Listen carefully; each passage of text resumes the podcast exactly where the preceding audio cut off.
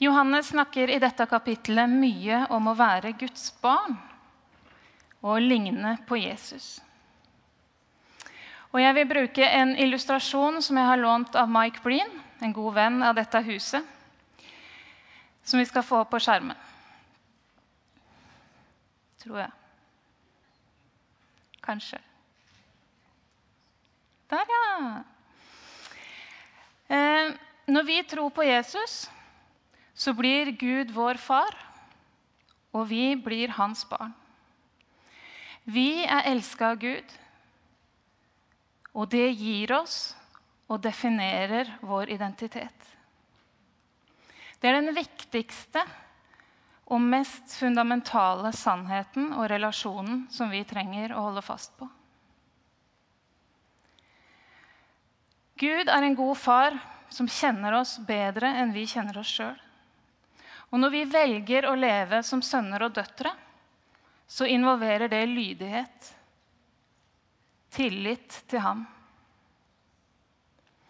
Men så er ikke Gud bare faren vår. Han er samtidig hele universets herre og konge. Neste. Der, ja. Og som sønner og døtre av kongen blir vi gitt en unik posisjon. Vi er kalt til å representere han og hans rike her på jorda og forvalte det på hans vegne. Vi har også autoritet og myndighet, og vi har tilgang på Guds kraft og hele hans rikes ressurser. Det er ikke småtteri. Vi har en utrolig stor Gud som er konge, og alt hans er vårt. Men så har vi òg en fiende. Som allerede har tapt, men som gjør det han kan for å sette oss ut av spill enn så lenge. Og det gjør han oftest ved å angripe identiteten vår og relasjonen vår til Gud, altså den øverste trekanten. Hvis han klarer å vippe oss av pinnen der, hvis han klarer å sette oss ut av spill i den første trekanten, så trenger han ikke å bekymre seg for at Guds rike skal gå fram på jorda. Han har mange verktøy i verktøykassa si. Eh, jeg skal nevne noen av de. Han er f.eks. mange ganger flink til å få oss til å tenke lite om oss sjøl og den Gud har skapt oss til å være. At vi ikke duger til noe særlig at jeg har lite å bidra med. Minne oss om å fokusere på det vi ikke kan eller klarer, eller få oss til å parkere i nederlagene våre og alt det som diskvalifiserer oss. Han er god på å få oss til å sammenligne oss med andre eller bli desillusjonerte og så tale løgn inn i livet våre. Vi hadde for et par år siden besøk av en kar som het Steve Cochran her i menigheten. Og han fortalte at i protest eh, mot vår kulturs overfokus på yrke og prestasjon og den slags, så hadde han funnet en egen måte å presentere seg på når han traff nye folk. Og da sa han hei, hei, jeg heter Steve. Jeg er sønn av den høyeste Gud. Den kraften som reiste Jesus opp fra de døde, den bor i meg. Og en dag så skal jeg til himmelen og regjere sammen med han. Hvem er du? Og han sier det gjør faktisk noe med meg å tale den sannheten ut om meg sjøl. En annen ting som han er flink til, er å fòre oss med frykt og bekymring. Tenk om det går i vasken. Tenk om jeg går på trynet, driter meg ut, blir til latter. Han kan spille opp scenarioer for vårt indre øye som gjør at i hvert fall jeg lett trekker meg komme med unnskyldninger for å slippe å gå ut av komfortsonen og kanskje kjenne på negative følelser. Men så viser det seg at hvis jeg tør å gå ut av komfortsonen, så lever jeg mer. Og de som lever mye, har sannsynligvis gått på trynet eller blitt ledd av. Men de har også lykkes fordi de har turt å kjenne på de, alle de følelsene. Både de gode men òg de negative og vanskelige. og ikke latt seg skremme av det. Egen behagelighet og minste motstands vei, det er sterke krefter og idealer i vårt samfunn. Og det kan ofte hindre oss i å ta nye steg, lære nye ting eller trene på å bli skikkelig god til noe. Jeg leste bloggen til en Simon Madland, som etter å ha blitt utbrent og vært ett år på sidelinja uten krefter til å gjøre noe som helst, skrev at vi kristne ber ofte om å øh, Vi kristne ber ofte om at vi ikke må oppleve vonde ting. Men når jeg har sett hvor mye nærmere jeg kommer Gud ved å gjennomgå smerte, lurer jeg på om jeg må begynne å be annerledes. Heller be om at hva som helst må skje, bare det fører meg nærmere Gud.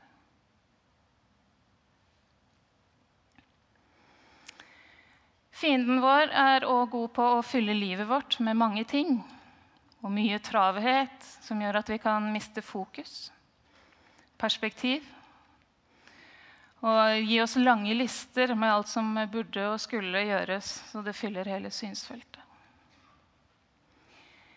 Disse tre tinga kjenner jeg godt fra før i mitt eget liv. Det som jeg kanskje gjenoppdaga nå i jobben med denne talen, er en fjerde ting. Nemlig at, Gud, nei, at fienden eh, angriper relasjonen min med Gud gjennom å gjøre Gud liten i mitt hode og i mitt hjerte og i min tanke. Jeg har tatt til meg noe av samfunnets holdninger og løgner om Gud. Og for noen kan det være dype sår, som helbredelsen har bedt om, men ikke fått. Eller sinne og fortvilelse over at Gud ikke greip inn i overgrepssituasjoner. Det kan være at vi sjøl ikke hadde noen god jordisk far og ikke noe godt bilde av hva en god far er. At ting ikke går helt min vei. En følelse av å stange huet i veggen. Eller frustrasjonen og hjelpeløsheten over alt det vonde som skjer i verden. Noe av dette er store, heavy ting som vi trenger tid og veiledning for å jobbe oss gjennom. Men saken er at bildet vårt av Gud krymper i takt med anklagene og løgnen om at Gud ikke er stor og allmektig eller god, får feste seg. Og kanskje kommer vi til slutt til den forklaringen at Gud ikke fins i det hele tatt. Mens djevelen, som står bak alle disse problemene, går fri i alle anklagene. Og noen av de som er mest negative til Gud og tro, har en gang vært kristne og blitt såra eller er sinte og føler seg lurt. Johannes nevner i dette kapitlet historien om Kain og Abel. Og Hvis vi leser den historien i første Mosebok, så står det noe veldig interessant der. Kain er sint for han opplever seg urettferdig behandla av Gud, og så taler Gud til han. Hvis du ikke vil gjøre det gode, ligger synden klar ved døren. Den ønsker makt over deg, men du skal herske over den. Og det tror jeg vi alle kan gjenkjenne. Når vi er sinte eller såra eller i ubalanse, vi har opplevd urettferdighet, da skal det godt gjøres å ikke bli et bytte for synden som ligger klar og ønsker makt over oss, og tro på dens løgner og negative påvirkning. For min del tror jeg det er mer ren og skjær tilpasning til de holdninger og den logikk som jeg opplever rådende i samfunnet. Ønsket om å ikke bli stempla som dum eller gammeldags. Eller at jeg trenger krykker for å lene meg på, eller at jeg tror på troll og spøkelser. Og selv om jeg kan noen motsvar til dette oppi huet, så er det akkurat som det sniker seg mer eller mindre umerkelig inn på meg likevel. Det tar fra meg frimodighet og stolthet. Og det blir krevende å invitere andre til vennskap med Jesus når jeg sjøl er usikker på om det egentlig er det helt store å invitere til. Jeg vet ikke om noen av dere har hørt, eh, overhørt unger som eh, sier 'Pappaen min er sterkere enn pappaen din'. Så begynner de å argumentere hvem sin far som er den sterkeste, og ramser opp alle de tingene som pappaen de sin kan og gjør og er god på. Eh, og vi som går forbi, vet jo at disse fedrene er vanlige mennesker. Eh, men for oss så er faktisk vår far den Gud som skapte hele universet og alt vi kjenner til og veit om. Det er all mulig grunn til å skryte og være stolt av pappaen vår. Og jeg kjenner at for meg så er det tid til å trene på å leve i det. I dagens samfunn er ikke Gud en plausibel autoritet å ha i livet. Snarere tvert imot. Det levner oss ikke særlig mye ære. Derimot hevdes det at vi, no at vi, ikke må følge etter noen annen, men gå vår egen vei. Følge vårt eget hjerte og hode og være vår egen herre og lykkes med. Og lydighet er så godt som jevngodt med hjernevask. Og flere har påpekt det ironiske at i vår ekstremt individualistiske kultur så blir vi i praksis så konforme som vi faktisk gjør. På egen hånd blir vi fort konsumenter, forbrukere, kasteballer for varierende trender og moter og skapte behov. Så i den tro at vi bestemmer sjøl og er uavhengige og selvstendige, blir vi i stor grad flokkdyr som lytter til reklamen, til media, trendskapere, kommunikasjonsbyråer. Og i stedet så er det de som blir skjulte og uoffisielle autoriteter i livet vårt. Som definerer oss og gir oss verdi og holder forbruket oppe. Fredrik Henriksen, som går her i menigheten, som tidligere har slitt med rus, han sa en gang at er det noen jeg ikke stoler på her i livet, så er det meg sjøl. For det har jeg prøvd, og det var ikke liv laga. Og det er stor sannhet i, eh, som står imot det som samfunnet tyter oss øra fulle med. Vi ser altså at det er grunnleggende viktig for oss både å vite hvem vi sjøl er, og hvem Gud er. Og for dere som multitasker eh, og både hører hva jeg sier, og leser på T-skjorta mi. Eh, og tenker at det kanskje ikke var tilfeldig at jeg tok på akkurat den i dag, så har dere helt rett. Her står det altså I'm like nothing you've ever seen before. Eh, og det kommer ikke av mine prestasjoner eller at jeg ser ut som samfunnets idealer for utseende. Men det er faktisk 100% sant fordi jeg er underfullt og unikt skapt av Gud. Og vi trenger å stole på det. Vi trenger å hvile i det. Vi trenger å være trygge på det. Det er ikke noe ydmykt over å tenke mindre om oss sjøl enn det Gud gjør. Det vil bare frata oss muligheten til å leve i autoritet og kraft. Vi må faktisk stole på at vi kan være den Gud kaller oss til å være. Det som derimot er manglende ydmykhet, er å stole mer på seg sjøl og tro at 'jeg er heila ved det', som de sier her i Stavanger. At jeg veit bedre enn Gud. At mine løsninger er bedre enn hans. Og det kan jeg være ganske feil til. Eh, bare hjelpe Gud lite grann. Bare fortelle ham hva han burde gjøre. Og hvis han ikke gjør det, så kanskje jeg bare må gjøre det sjøl, da. Men Gud veit om våre svakheter. Han veit om de områdene hvor vi står i fare for å falle.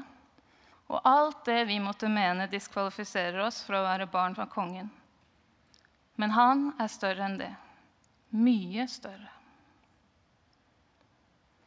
Han veit hva han har planer om å bruke oss til. Hva slags liv han har skapt oss til. Og hvor stor han sjøl er som skal gjøre det.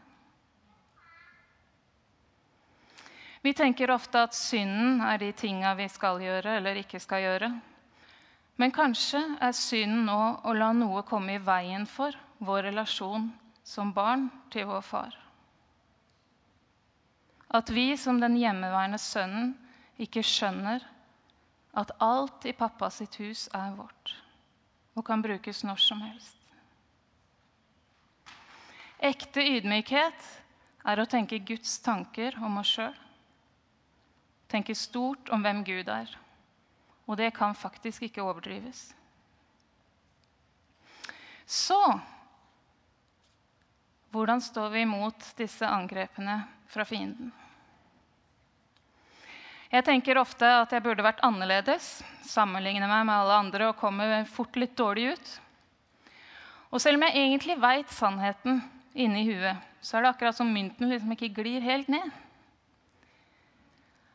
Og det var grunnen til at jeg kjøpte den ringen her for noen år siden.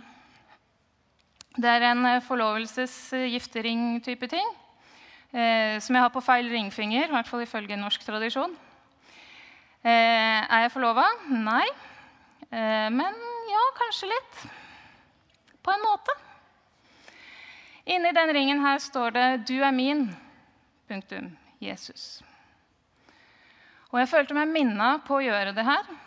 Og jeg skal love deg at jeg følte meg klein i den gullsmeden når jeg skulle handle den. Jeg hadde med meg venninne, for jeg tenkte at eh, kanskje ikke de solgte gifteringer i én pakk.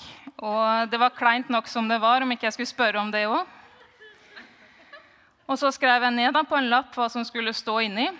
Og hun ekspeditrisa var helt profesjonell, foretrakk ikke en mine, stilte ingen ekstra spørsmål. Noe som nesten er enda verre når du liksom bare tyter over og gjerne vil forklare hele historien. og liksom, ja, nei, du skjønner at det, mm, ja. Men i hvert fall en uke etter så hadde vi hvert vårt synlige og konkrete eh, reminder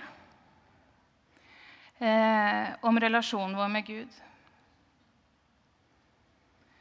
Og kanskje kan det bli litt sånn som lapper du henger opp på um, speilet, eller, eh, eller sånne bakgrunnsbilder du har på mobilen. At til slutt har du sett det så mange ganger at du ser det ikke.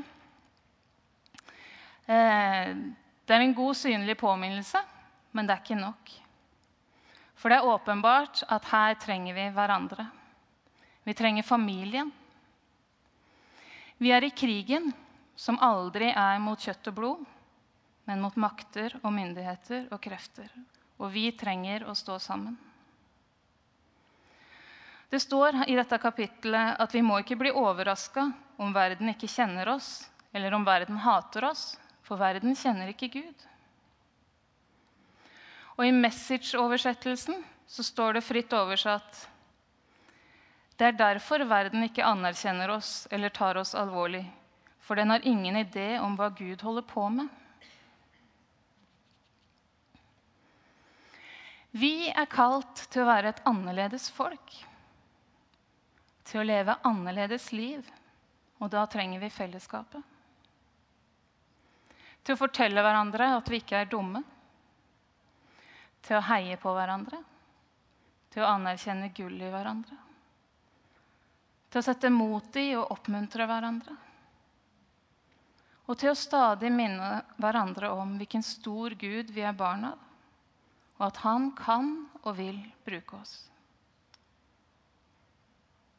Til å stå sammen i det som er krevende og utfordrende, sånn at det blir til vekst.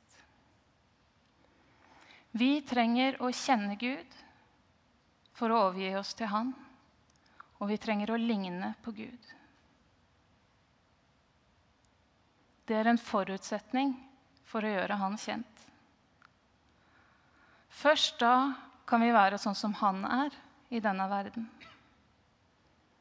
Vite hvem vi er fordi vi veit hvem vi tror på. Vite hva vi skal gjøre fordi vi veit hva han gjør. Jeg vet ikke om du har lagt merke til det, men ofte er det sånn at to stykker som har vært mye sammen, ofte begynner å ligne litt på hverandre. De får litt av den samme humoren og språket, væremåten og blir opptatt av noe av de samme tingene. Kan ha erfart det sjøl eller sett det hos andre. Men sånn er det. Vi blir prega av de vi er sammen med. Og sånn er det hvis vi er mye sammen med Jesus òg. Da vil vi begynne å ligne på han og bli avhengig av han. Å adlyde er å elske, sier Johannes i dette kapittelet. I stedet for å ødelegge de onde menneskene ga Jesus livet sitt for oss. Og det er sånn vi har lært kjærligheten å kjenne. Og da veit vi hva vi sjøl må gjøre.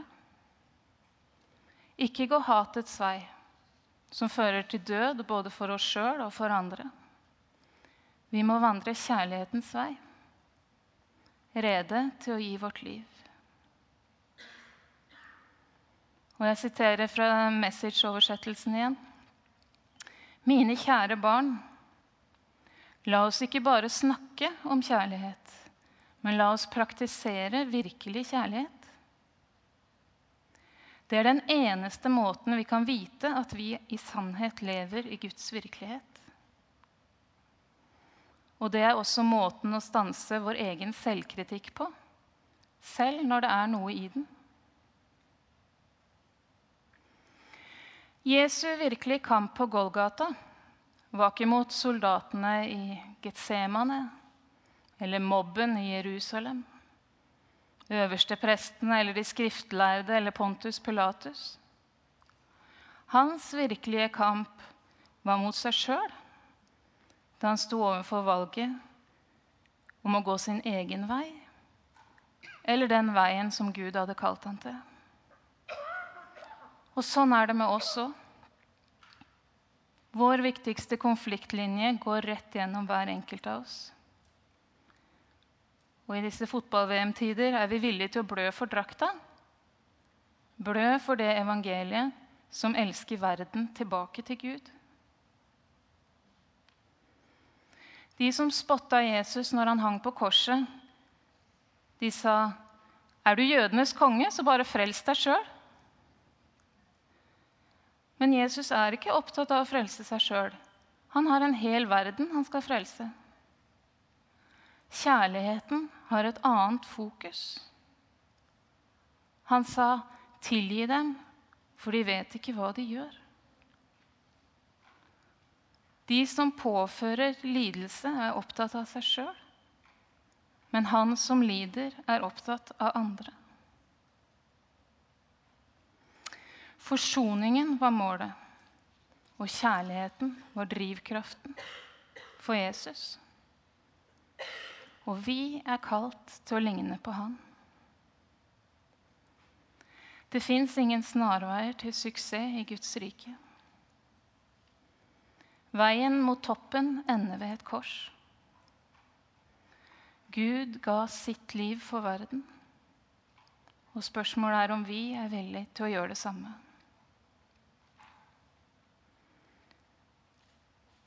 En del av disse tinga har jeg lært av Truls Åkerlund. Og han skriver i boka 'Feil fortelling fortalt'.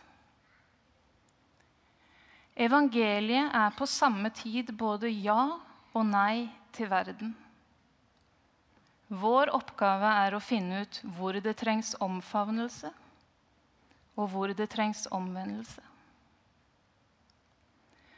Guds rike er et annerledes rike med en annerledes konge som leder ved å tjene og seirer ved å dø. Å se sin eksistens i lys av Guds rike. Å leve som lysets barn i en mørk verden. Og invitere andre til å bli en del av den fortellingen en sjøl lever og forteller. Vi kan ikke bestemme hvordan livet skal bli. Men vi kan velge hvilken fortelling det skal være en del av. Dette livet er mulig når vi lever i den identiteten vi har som sønner og døtre av den store kongen. Når vi i lydighet til pappa viser at vi tror Gud vet best, da preges vi av Han og hans kjærlighet på en måte som vil forandre verden. Ikke underlig at djevelen setter alt inn på å ryste oss bort fra den posisjonen som vi har fått av Jesus. La oss gå sammen, sånn at han ikke lykkes. Bruke anledningene til å minne hverandre på hvilken kongeidentitet vi har. Om å tale gull inn i hverandre. Når du skal på jobbintervju Hva betyr det at du er datter av den høyeste Gud? Når du kjemper mot kreft, hva betyr det å være Guds barn? Hva betyr det når du kjenner deg ensom og aleine? Når du vil hjelpe naboen til å begynne å tro på Jesus? Når du vil delta og gjøre Guds godhet tilgjengelig? Eller når livet er i overkant drøyt? Da trenger vi hverandre som minner hverandre om at vi har et unikt ståsted før vi tar opp kampen, før vi går ut i det.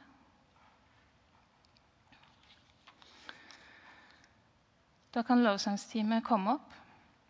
Skal vi bare være litt stille og la dette få skape takknemlighet?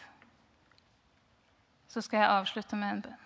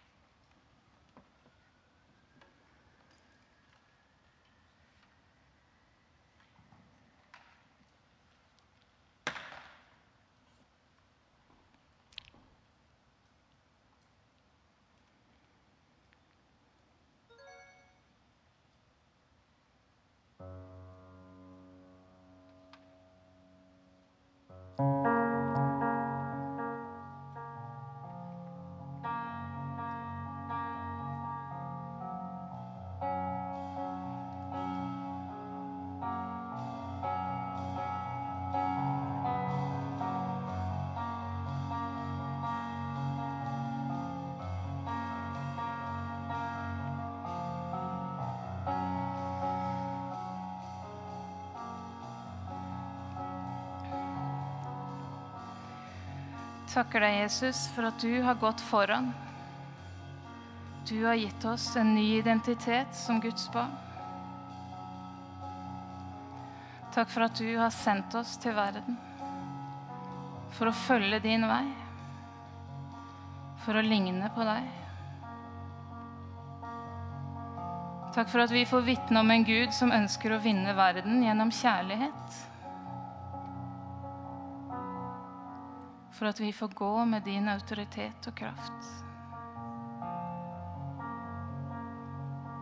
Takk for at du vil hjelpe oss til å sammen gå korsets og kjærlighetens vei i dine fotspor.